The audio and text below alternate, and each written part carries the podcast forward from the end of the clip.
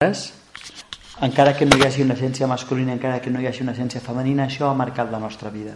D'alguna manera, mmm, el, que, el que estic dient és que aquest és un exemple de la masculinitat i la feminitat, però que és possible que al llarg de la nostra existència anem trobant coses que per nosaltres són invisibles i perquè són invisibles són extraordinàriament dures, difícils d'evitar per no dir impossibles. Hi ha un filòsof que m'agrada bastant que és, el, que és el, el Foucault. Foucault és un filòsof francès que en un cert moment ell reflexiona sobre el poder i com el poder es construeix dintre de les persones. I Foucault diu que l'estratègia bàsica del poder per eternitzar-se és la invisibilització. I és que ja tan ample. diu que perquè si tu manes, ho simplifico molt, però ve a dir, si tu vols manar per sempre, has de fer veure que no manes. Has de fer invisible. Has de fer que veure que el que manes no al costat. Quan el matin poses un altre. tu manaràs sempre.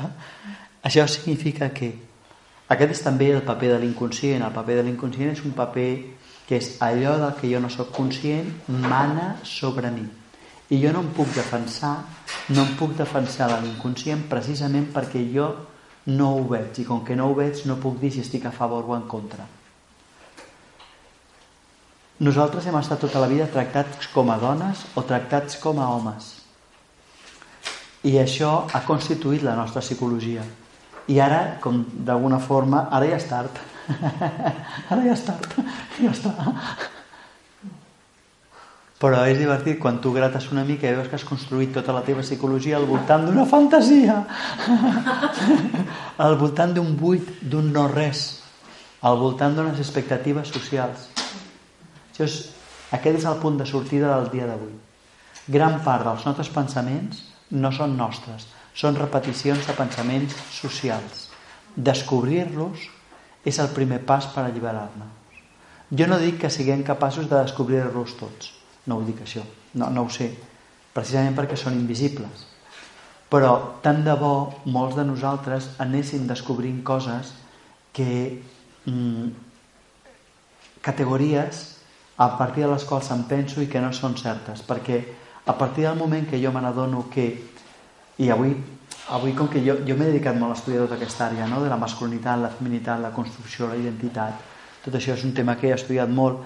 Avui procuraré il·lustrar sobre aquest tema, però simplement com un exemple, perquè hi ha moltes altres coses que són invisibles, invisibles però que marquen la nostra realitat.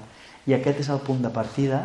Si nosaltres volem netejar l'inconscient intel·lectual, el que cal és veure en aquest moment què el constitueix, quines són els, els seus eixos vertebradors, per poder-los deixar caure. No? I un d'ells, òbviament, per mi és el gènere. Soc home, soc dona. És divertit. Com a... Soc home, soc dona i en realitat no soc res. perquè no hi ha res que sigui profund. Però això marca tota la meva vida i marca moltes coses en la forma com jo em relaciono. Molt bé. Aquest